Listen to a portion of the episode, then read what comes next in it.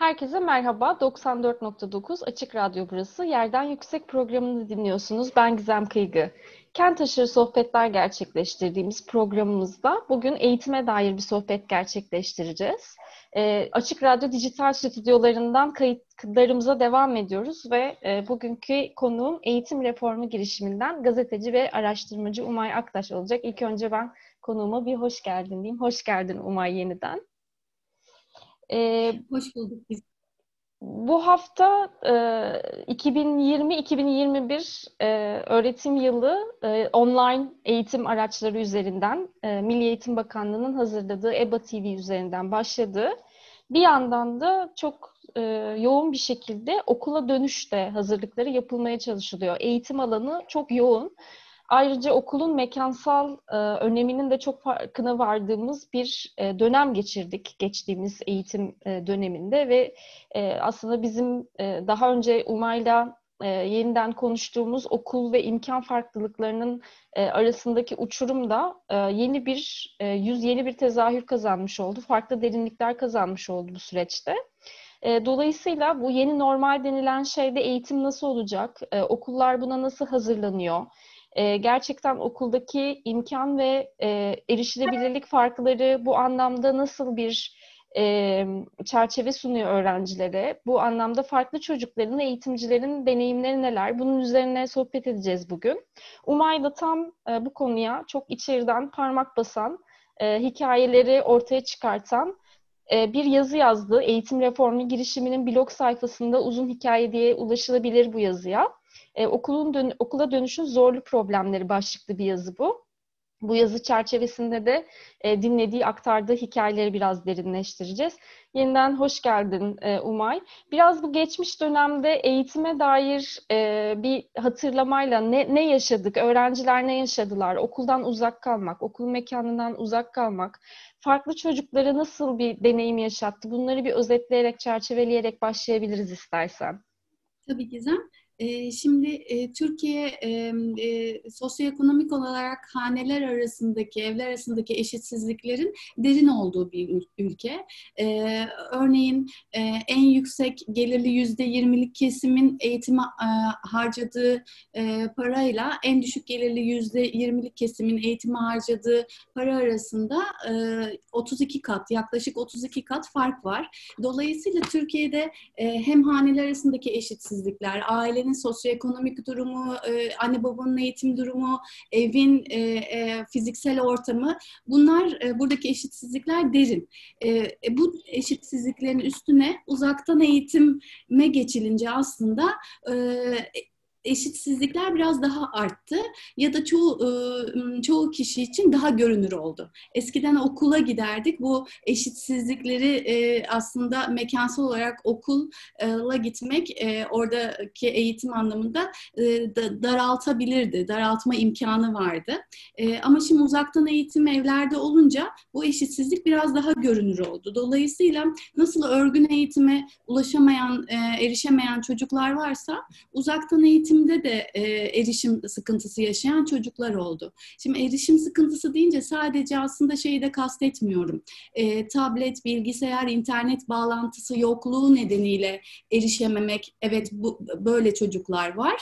Bir de onun yanı sıra e, evindeki ortam nedeniyle e, televizyon izleyeceği bir ortamı e, dahi olmayan, e, farklı koşullarda yaşayan çocukların erişim sıkıntısı da var aslında. Ya da özel gereksinimli olup e, uzaktan eğitim araçlarına ya da içeriğine e, yeterince erişemeyen, e, oradan verim alamayan çocuklar var. Dolayısıyla pek çok çocuk için e, erişim sıkıntısı farklı boyutlarda yaşandı diyebiliriz. Yani bir çocuğun tabletinin, internet bağlantısının ve bilgisayarının olması da uzaktan eğitime eriştiği anlamına gelmiyor her zaman. Hani bunu da özellikle vurgulamak lazım.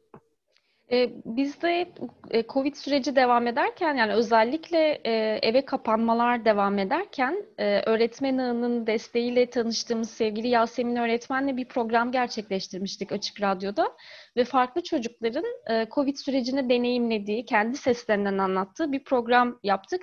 Dinleyicilerimiz Spotify'dan ve Açık Radyo web sitesinden ulaşabilirler bu programın kaydına da.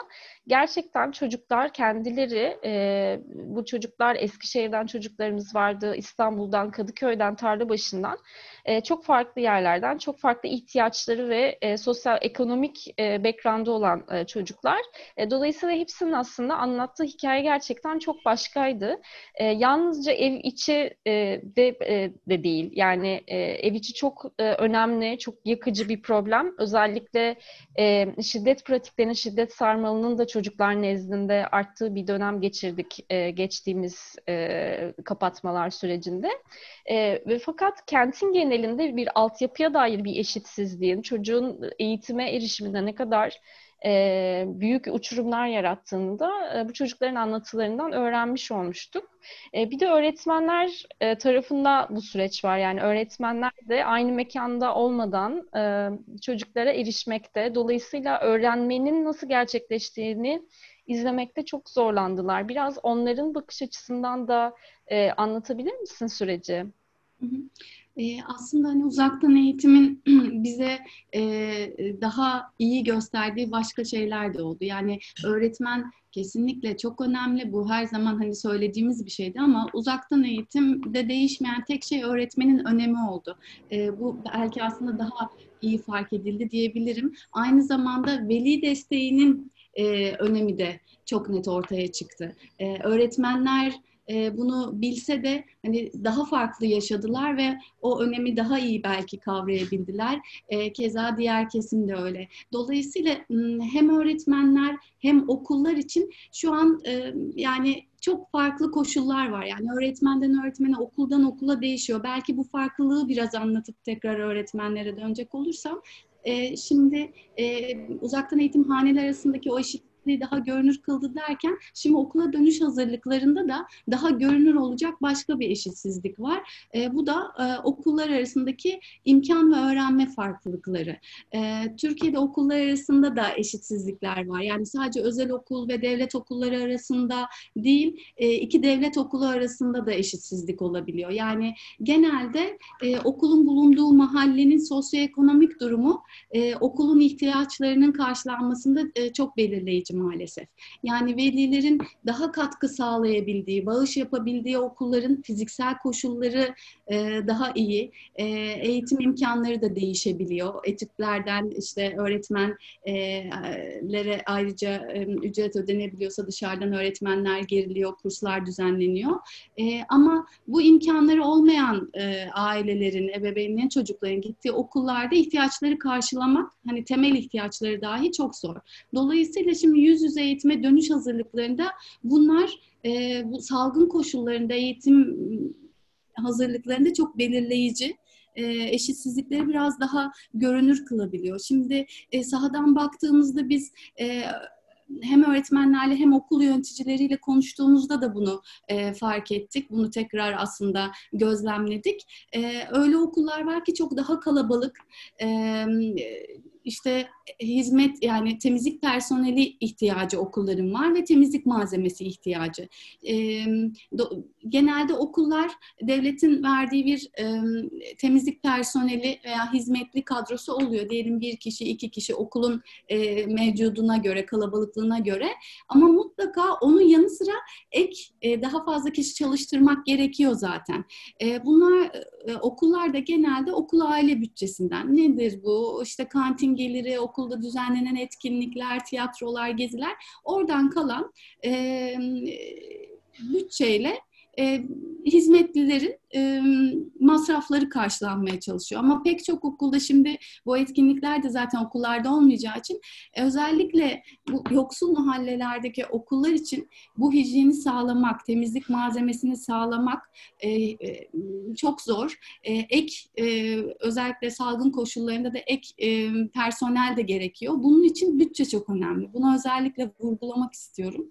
E, Milli Eğitim Bakanlığı'nın bu kalemler için ek bütçe ayırması gerçekten çok önemli. Kesintisiz bir e, hijyen ve süreklilik sağlamak için.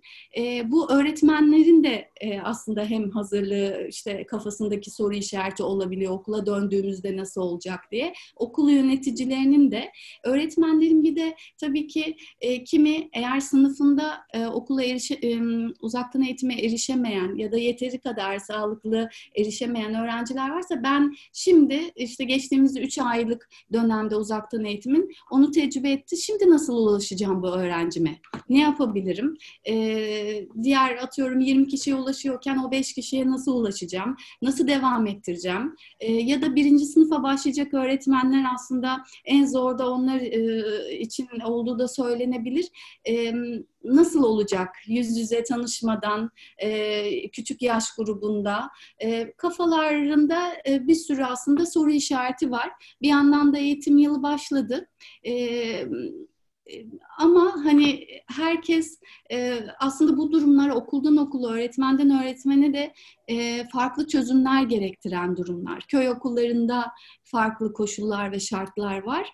E, merkezden tek bir e, çözüm e, ya da tek bir uygulamayla e, hallolamayacak e, farklılıkta e, durumlar var önümüzde Gizem.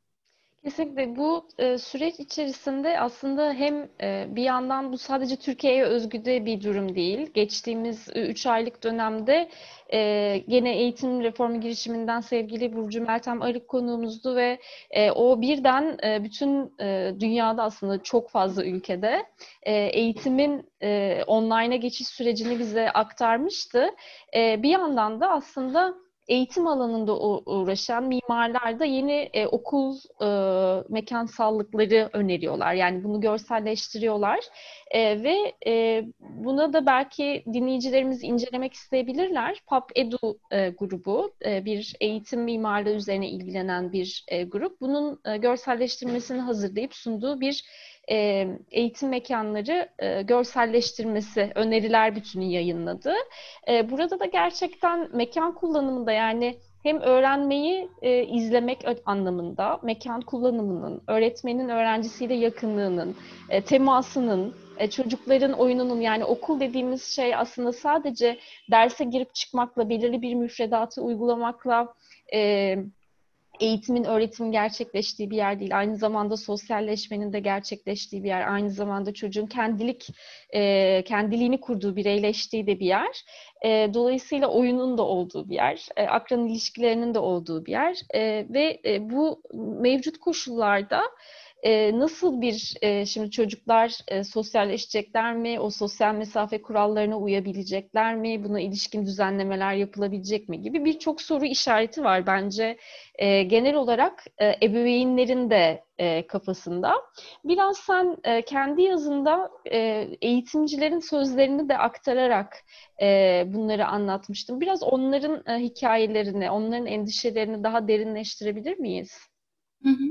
Ee, örneğin birinci sınıf öğretmenin en büyük kaygısı nasıl e, ben e, hani ses öğretmem, harfleri öğretmem değil de aslında kaygısı. O iletişimi önce ben kurmak istiyorum. Her şeyden önce, öğretmekten önce o harfi ben e, çocuğumla o iletişimimi sağlamam gerekiyor ve bunu en iyi yüz yüze yapabildiğim için şimdi nasıl olacak diyordu. Mesela bakıyorum o yazıda konuştuğum öğretmen e, şöyle bir çözüm bulmuş okul bahçesinde e, çok kısa, açık havada öğrenciler de maskesini takıyor, öğretmen de maskeli en azından bir yüz yüze tanıştılar. Böyle çözüm çözümler bulmaya çalışıyorlar. Çünkü gerçekten çok önemli. Meslek lisesindeki bir öğretmen meslek dersleri için nasıl olacak? Uygulamalı dersler için diye e, kaygısı vardı. E, bazı öğretmenlerin belirttiği EBA çok önemli bir kaynak. EBA'nın internet sitesi. E, ama e, bazı öğretmenler de şunu dile getiriyor. Yani EBA'ya kaç kere girdiği öğretmenin e, kaç kere e, öğrencisine ödev atadığı, e, çeşitli etkinlikler verdiği, o sınıfın, o okulun öğretmenlerinin ne derece, ne yoğunlukla girdiği böyle sayısal verilere de bazen takılınabildiğini söylüyor öğretmenler. Aslında içerik önemli. Yani beş kere öğretmen girmiş, beş kere bir ödev vermiş değil de o verilen ödevin içeriği aslında Bunlar önemli diyen öğretmenler de var. Köy okullarındaki öğretmenlerin e, erişim problemi yaşayan öğrenci sayısı daha fazla olduğu için onlar geçen sene yani geçen eğitim yılında uzaktan eğitime geçildiğinde sonuna doğru e, işte kaynaklar bulmuşlardı, çıktılar almışlardı. Köydeki bir okula e, eve götürüp oradan alın diye e, yollar, e, yöntemler uygulayan öğretmenler vardı.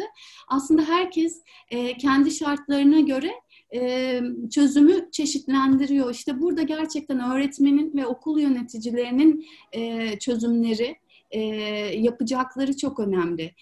Evet bütçeydi veya çeşitli konularda merkezden yapılacaklar da çok önemli. Ama bazı çözümler gerçekten çok daha yerelde olabilecek ve öğrencisini en iyi tanıyanlar öğretmenler ve okul yöneticileri. E, onların o telafi sürecinde de o yerel okula dair yöntemler e, önem kazanıyor aslında. Evet gerçekten öyle. Bir de e, şeyi e, senin çok e, ilgilendiğin araştırmalarında da ilgilendiğin ve vurguladığın e, bize de çok iyi gelen e, köy okullarıyla aslında kentte yaşanan gerçeklik birbirinden çok farklı ve bir aslında yıllardır çözemediğimiz ve e, yine bir önceki programda konuştuğumuz mevsimlik tarım işçisi olan çocukların e, durumları var. E, ona dair gözlemlerin ve endişeleriniz neler? Biraz ondan da bahsedebiliriz. Köy okullarının durumuyla ilgili.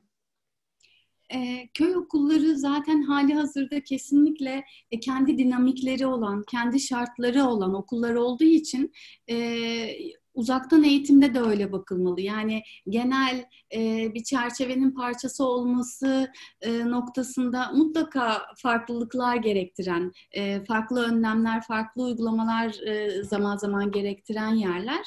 E, köy okullarında erişim en büyük problem. E, yani öğretmenlerin öncelikle düşündüğü o. Yani e, televizyonu e, EBA TV izlemeye yeterli olmayan, eski bir televizyon olan, internet altyapı olarak internet çekmeyen ve cihazı bulunmayan öğrenciler var. E, KODA burada geçen eğitim yılında çok aktif olarak köy öğretmenlerinde çalıştı ve oraya özgü e, hani çözümler üretmeye çalıştılar birlikte. E, internet bağlantısı düzenli olmadığından en azından WhatsApp tam gelecek hikayeyi dinleyebilecek eğitim içerikleri geliştirildi müfredatla uygu, e, uyumlu. E, hikaye serileri mesela. E, böyle çözümler, içerikler üretilmeye çalışıldı. Bir konferans yap, yaptı örneğin kod öğretmenlerle. Dedi ki hani e, biz ne yaşadık? Neler yaptık ve gelecek yani bu eğitim yılında neler ne sorunlar bizi bekliyor, neler yapılmalı. E, birlikte düşünmek çok kıymetli. O yüzden bu yapılanlar çok kıymetli. E, dolayısıyla e, her aktöre düşen sorumluluklar da vurgulanıyor burada. E, bir yandan da e, içerik üretmek de çok önemli e, o farklılıklara özel olarak. E, köy öğretmenleri de e, kendi e, bölgesindeki, okulundaki öğrencilere göre e, elinden geleni yapmaya çalışıyor. Hatta bir köy öğretmeni şey demişti, biz çocukların akademik olarak geride olmasına e, alışkınız. Yani bu farkı kapatmaya çok alışkınız. Zaten hani eğitim yılındaki mücadelelerimizden biri o oluyor. Önemli olan o farkı biz kapatırız ve her zaman kapatmaya çalışıyoruz. O erişim problemini çözmek. Milli Eğitim Bakanlığı bu noktada özellikle köy ve mezralardaki çocuklar için işte e, EBA destek noktaları kuracağını açıkladı. E, ayrıca 17 kitaplık bir set hazırlandığı söylendi. E, biz de bunları izliyoruz, takibindeyiz. E, bu sene o böyle farklı çözümler de e, yapılmaya çalışılıyor. Çalışmaları da bakanlığın zaten devam ediyor. Ama bütçe meselesi gerçekten çok önemli Gizem. E, ek bütçe mutlaka okullar için çok önemli. Ee, öte yandan e, merkezden alınacak çözümlerin yanı sıra okul bazlı çözümler çok önemli. Burada da öğretmenler ve okul yöneticileri gerçekten e, önemli. Özne olabilmeleri, birlikte üretebilmeleri, birlikte çözüm arayabilmeleri ama desteklenmeleri de aynı zamanda öğretmenlerin. Onların da e, ihtiyaçları ne noktadaysa o konuda beslenebilmeleri e, bir arada. Burada aslında belki hani öğretmen ağına pas atıp öğretmen ağı gibi e, oluşumlar gerçekten çok önemli. Yani öğretmenlerin meslektaşlarıyla ve e, farklı disiplinlerden kişilerle bir araya geldiği işbirliği ağı öğretmen ağı.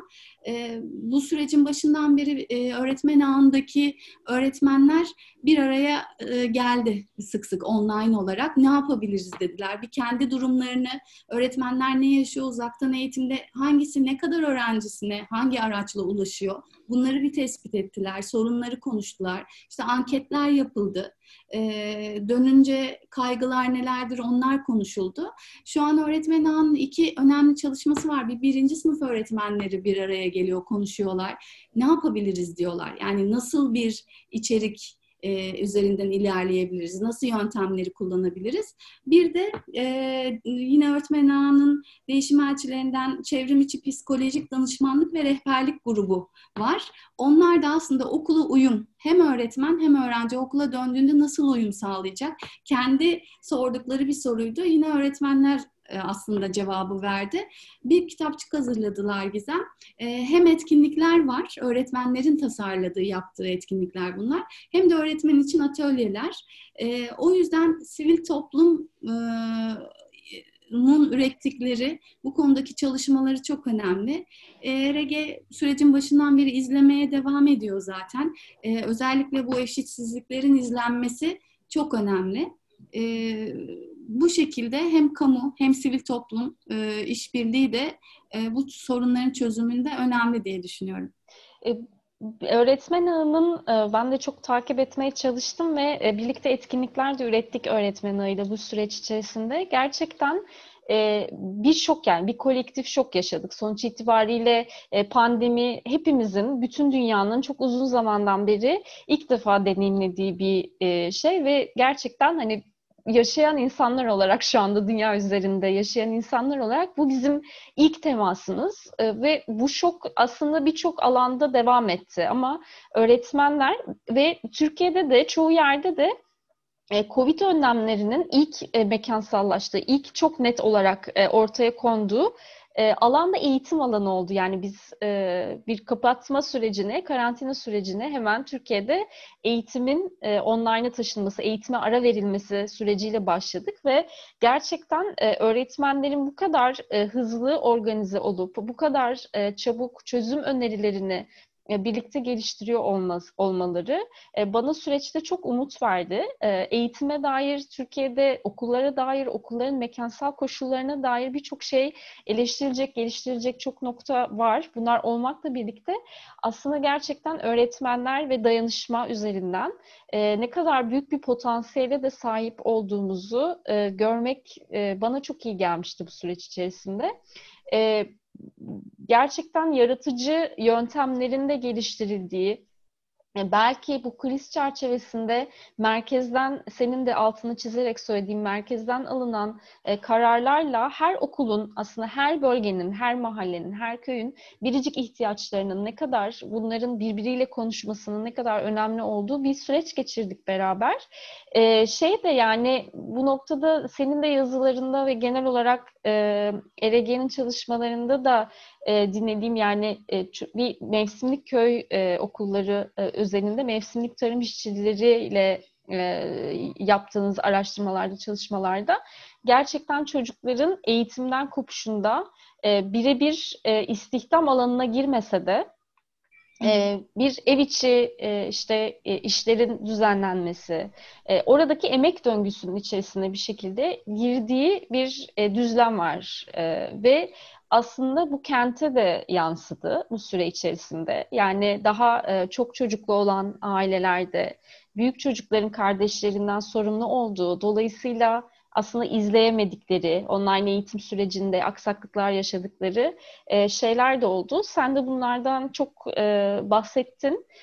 Yazında da bunun örneklerini, anlatılarını görüyorum. Bunlara dair var mı bize aktarabileceğin şeyler, yorumların? Dediğin gibi ev içi e, emek, ev içi iş yükü çocuklar üzerinde Türkiye'de e, çok fazla aslında hiç azımsanmayacak kadar. Özellikle yoksul hanelerde. E, mevsimlik tarımda e, ailesi çalışan e, çocuklar zaten e, çadır koşullarında orada olduklarında dediğin gibi o döngünün içine çok kolay giriliyor. Yani önce okula devam sekteye uğruyor. Zaten e, çocuk yaşta işçi olarak çalışmış olmaya e, çalışmaya başlıyor. Uzaktan eğitim devamı çok daha zor bir şey olduğu için o koşullarda aslında en büyük kaygı hani o devamsızlığın okula yani okuldan kopuşu arttırabilme e, artırabileceği yönünde. E, e, yani mevsimlik tarımda olmasın e, hane içinde çocukları düşünelim. Yoksul ailelerde özellikle kız çocuklarında e, ev içi iş yükü maalesef çok fazla. E, kardeş bakımı, e, evin işleri, yemek, temizlik. E, konuştuğum aileler arasında annenin biri şey e, e, beş tane çocuğu var. E, dördü e, kız biri oğlan. Şey diyor yani evet ben televizyon da aldım. iki yaptık televizyonu borç harç bir tane. Çünkü çok fazla kardeş var takip etsinler istiyorlar. Ben de istiyorum. Kopsunlar hiç istemiyorum. Ama evde olunca ev işi de oluyor. dolayısıyla hani anne kendi de bunu ifade ediyordu. Yani o evin günlük yaşantısında maalesef özellikle kız çocukları için eğitime erişimde çok önemli bir sorun ev içindeki o iş yükü. Evet kesinlikle. Yani gerçekten eğitim finansmanında eğitim e, şu anda online eğitim erişimde eğitim finansmanına dahil e, olarak e, tartışılan bir konu olarak önümüzde duruyor. E, gerçekten e, Türkiye'deki eşitsizliklerin var olan toplumsal cinsiyete dair eşitsizliklerin, sosyoekonomik e, bölüşüme dair eşitsizliklerin çok görünür olduğu. Ama bu e, bu kriz ortasında belki de e, öğretmenlerin, ebeveynlerin, çocukların e, kendi e, ağlarını, dayanışma ağlarını e, kurarak da e, başka çözüm önerileri e, geliştirdiği bir süreci de birlikte yaşıyoruz. Çok teşekkür ederim ben Umay. Programımızın sonuna geldik. E, bu program çerçevesinde bahsettiğimiz kaynaklara Eğitim Reformu girişiminin web sitesinden e, ulaşabilirsiniz. Sosyal medya hesaplarında da oldukça aktifler. E, oradan da bu çalışmaları takip edebilirsiniz. Ben yeniden çok teşekkür ediyorum sana. İyi ki geldin, iyi ki anlattın bize. Çok güzel ben, bir program oldu. Seninle birlikte olmak çok keyifliydi benim için Gizem. Ee, çok teşekkürler. 15 gün sonra görüşmek üzere sevgili Yerden Yüksek dinleyenleri. Hoşçakalın.